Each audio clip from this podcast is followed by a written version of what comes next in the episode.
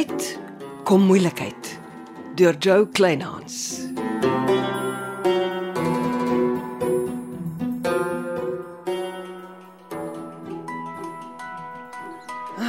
Wie bel dan so vroeg in die oggend?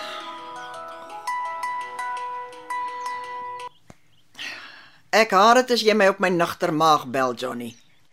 As ek net by jou opdaag, moes ek gebel het. En as ek bel, is dit te vroeg.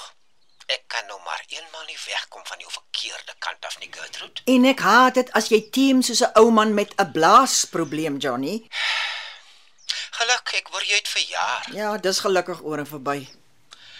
Gertrude, kan ek 3 vrae vra oor jou verklaring aan die polisie? Nee, nie eers een nie. Verklaringe is vertroulike inligting. Maar dis aardskuddende info. Jimmy Porthouse se alibi vir die nag van die moord op sy motorbestuurder is in sy petjie. En dit is polisie sake. Jy ken my, skoenmaker, hou jou by jou lees. Maar wat van my lees? Ek jag opspraakwekkende stories. Nie ten koste van my integriteit nie, dankie Johnny. Jy weet jy het 'n nik ontwikkel om mense skuldig te skryf. Nou, dit was seer. Ja, maar wel verdiend.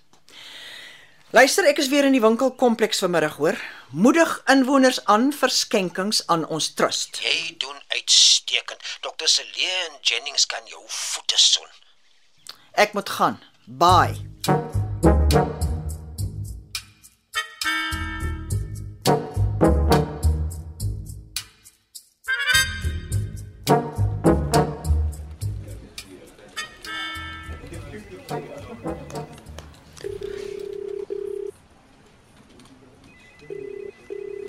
Servas.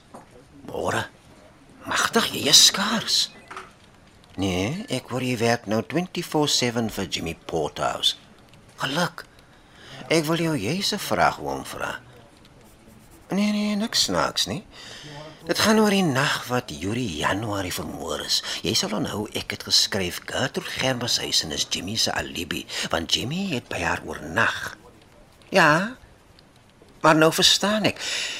Gertrude het 'n verklaring by die polisie ingehandig wat sê haar sap was die aangedokter en sy het die hele nag soos 'n klip geslaap. Wag, dit help nie raak opgewonde oor die waarheid nie. Servas, my vraag is dood eenvoudig. Het jy die betrokke nag vir Jimmy by Hibiscus gaan oplaai? Ja of nee? Servas? Servas? Druk die tong so waar die foon in my ore dood.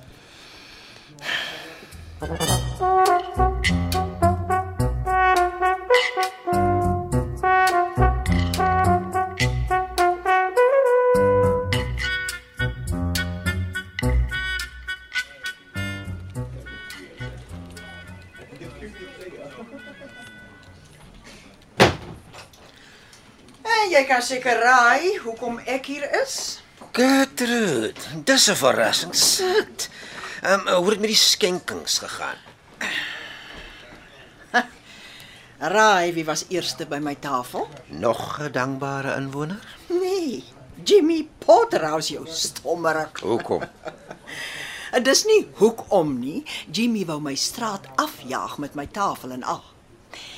Die ene Johnny Morkel maak glo allerlei aantuigings dat hy betrokke was by die moord op sy motorbestuurder. Het jy die een of ander tyd 'n stamp teen die kop weg, hè, Johnny? Jy moet soms die leeu se snorbaard trek om sy reaksie te kry. Jimmy Potterhouse eis sy skenking van 'n half miljoen rand aan die trust terug. Hoe's daai vir 'n reaksie? Hm? Hy, hy kan dit nie doen nie. En wie gaan omkeer jy? Seebult nie se prokureur. Die fynskrif sê uitdruklik as skenkings eers gemaak is, behoort die skenking aan die trust. Johnny, het jy al ooit van die woord diskresie gehoor? Hm? Wees versigtig in jou optrede. Jimmy Porthouse het geskrik omdat die redakteur van Seebult nuus weet hy het met doel en rede sy gawe gasvrou se sap gedokter om haar soos 'n klip te laat slaap. En Jimmy weet ek gaan aanhou wonder tot ek weet hoekom hy dit gedoen het. En nou probeer hy stof opskop om my te probeer stuit. En hy skop waar dit die seerste maak. Ons trust. Dis alles so onnodig. Het jy al probeer uitvind wat Servaas Serfontein se bewegings daai nag was? Dis tog logies dat as Jimmy by enigiets onheiligs betrokke was, moes Servaas hom by Hibiscus kom oplaai het. Is dit nie die meer logiese beginpunt van jou ondersoek nie? Ek werk nie van gister af saam met Sefas Serfontein nie. Hy is 'n jakkals wat sy spore met sy stert doodvee. en hy's 'n dier jakkals. Ek het 'n allemintige rekening gekry vir die bietjie speurwerk wat hy vir my gedoen het. Ek sal ons prokureur bel. Jimmy Porterhouse se half miljoen rand skenking bly net wat dit is. Kan jy iewers by 'n kopdokter inklop, Johnny? Hæ? Huh? Jou gekrap aan die verlede het beslis 'n stofwolk van epidemiese proporsies opgeskop wat alles in jou kopratte in is. Jy dink nie reguit nie, man. En nes ek dink jy kan my nie slegter sê nie. Verras jy my? Jy's besig om jou koerant 'n slegte naam te gee, Johnny. Jy het dit verdien, Johnny Morkel. Bel die prokureur en begin red wat daar te red is.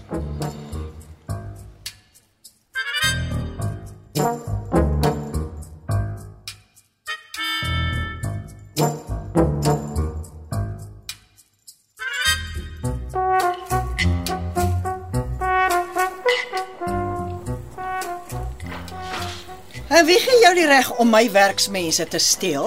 Onskuldig, edelagbare, praat met my vernoot. Neville nou is dit nie die reg om willens en wetens my werksmense vir sy privaat projek te kaap nie. Ek het regtig niks daarmee te doen nie. Die deler is altyd so goed soos die steler. Praat van die duiwel. Jy kan nie net maak en breek soos jy wil nie. Ah. Neville, Ek is bly jy het na ons sake uitbreidings kom loer. Is dit nie fantasties nie? en wie het jou die reg gegee om my werksmense vir jou fantastiese sake uitbreidings te misbruik? Hm? Hulle werk oor naweke oortyd om in te haal by jou kompleks. En ek betaal al hulle oortyd. Ah. En jy besluit toe sonder om 'n woord daarvan met my deur te praat daaroor. Dis 'n noodsituasie. Oh, ek sien genoot nie.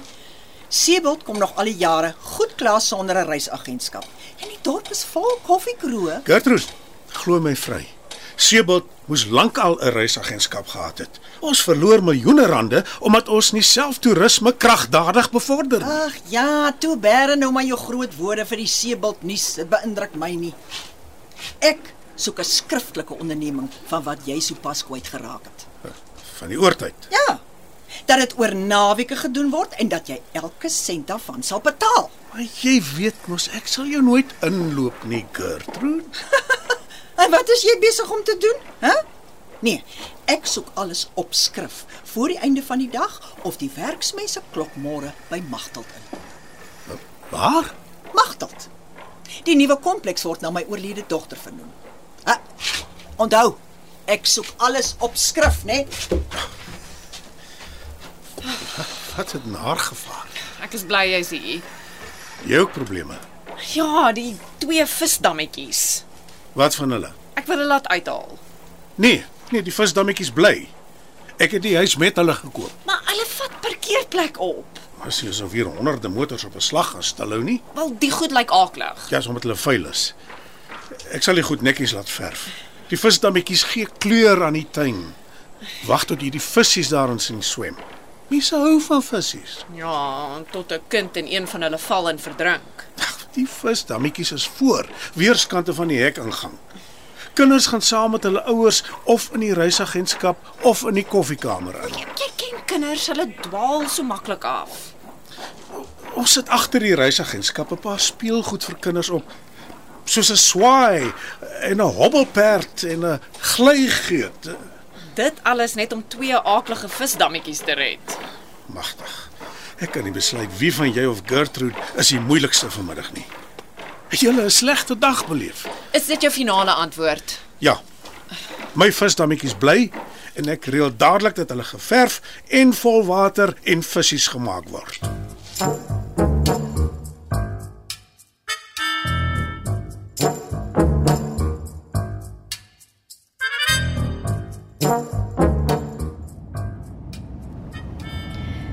Waarheen ontvoer mevrou my? Ag, ons ry sommer 'n entjie. Dolfynbaai toe. Ja, toe ek en Karel jonk getroud was, wou ek eerder in Dolfynbaai as in Seebald bly. Hoekom? Ek hou daarvan om langs die see te stap. En Karel wil weer aan mekaar uit op die see. Ek skets so 'n bietjie. Ek het baie dae op Visbaai se strand met sketsboek in die hand gesit met my potloodsketse. Uh, was jou ma kunstig? Ag nee, sy was baie prakties. O, dit was jou pa seker kunstig, nê? Nee? Hoe sou ek weet? Skus ek, ek wil nie krap nie. Dis oukei okay met my. Ek het besluit ek gaan krap tot ek antwoorde kry. Die geheime vreet aan my. Luister, ek het gereël dat Skalk se vis en chips vir ons oopgesluit word. Hoekom? Ag, ons sit sommer so 'n bietjie in die plek. Ek is nog al die jare nuuskierig hoe dit binne lyk. Ek verstaan nie as dit so 'n gewilde winkel was, hoekom iemand nie die plek koop nie. Ag, jong, ek hoor maar die plaaslike mense begin praat van die winkel is getoer of iets. Dis mos nonsens. Maar dit is miskien omdat al die eienaars van die winkel afgesterf het. En van die winkel se werksmense is in ongelukke dood. En jy weet hoe vinnig word 'n gerug die waarheid vir mense. Kom, ons moet aanstoot.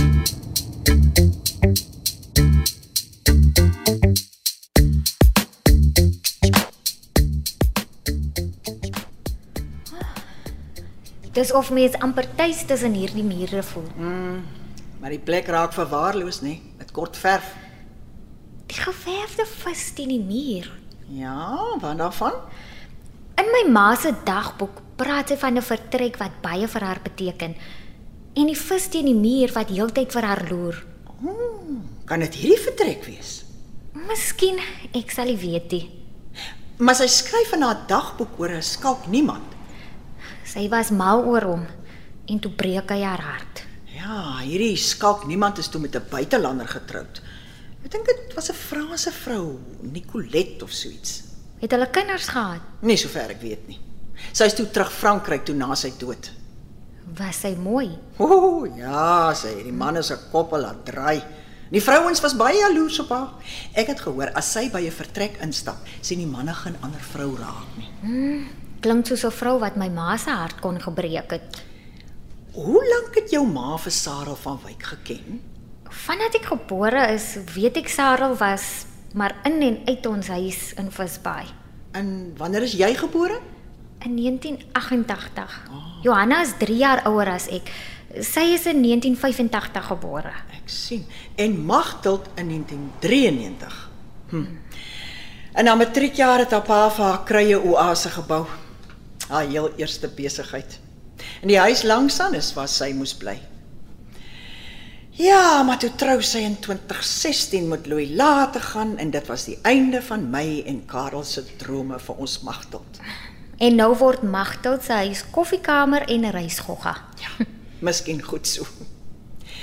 Ek kan nie onthou van iemand wat ooit in die huis gebly het nie. Kan jy jou ooit in 'n vis en skyfie winkel sien? O oh, nee, van kleins af wil ek weggroei van alles wat vis is. Vis het nooit vir my happy memories gebring nie. Nou, Ek voel half en half so oor bouery. Karel se laaste meesterstuk was die piskus. Hy het jare lank met die idee geloop hy wil vir my die spoggerigste kompleks in Seepelt bou. Hm. Dit moes sy nalatenskap aan my wees. En dit is. Maar nou bou jy sowaar nog 'n kompleks. Ja, wie sou tog ooit hierdie ou lewe verstaan nê? Ek sukkel met die begrip liefde. Ons almal sukkel maar daarmee. Ek lees in my ma se dagboek hoe gelukkig sy is. En 'n paar maande later is dit of sy haar pen in gal gedoop het. Dan is sy bitter. Wel, my oorlema het altoos gesê huwelike word in die hemel gesluit, maar op die aarde geleef. En soms is die aarde maar woes en leeg. Baie woes en baie leeg. Ja. Nou ja, goed, ons moet in die pad val, die son trek water en ek probeer om nie donker op die pad te wees nie. Dankie vir my kuiertjie aan skalk se vis en chips. Ek weet nie of jy gesien het nie, maar daai vis het die hele tyd vir ons twee gekyk. O, oh, ja, byna asof hy iets wou sê.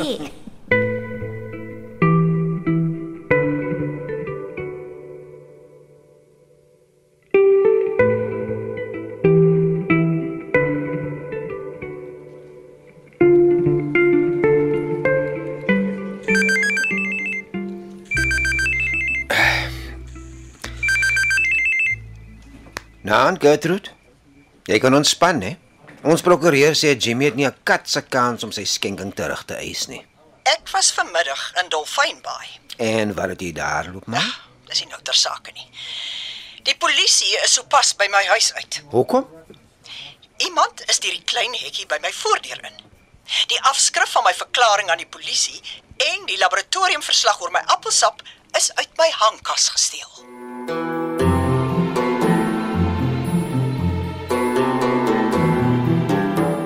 Jy het geluister na Kom tyd, kom moeilikheid deur Joe Kleinhans.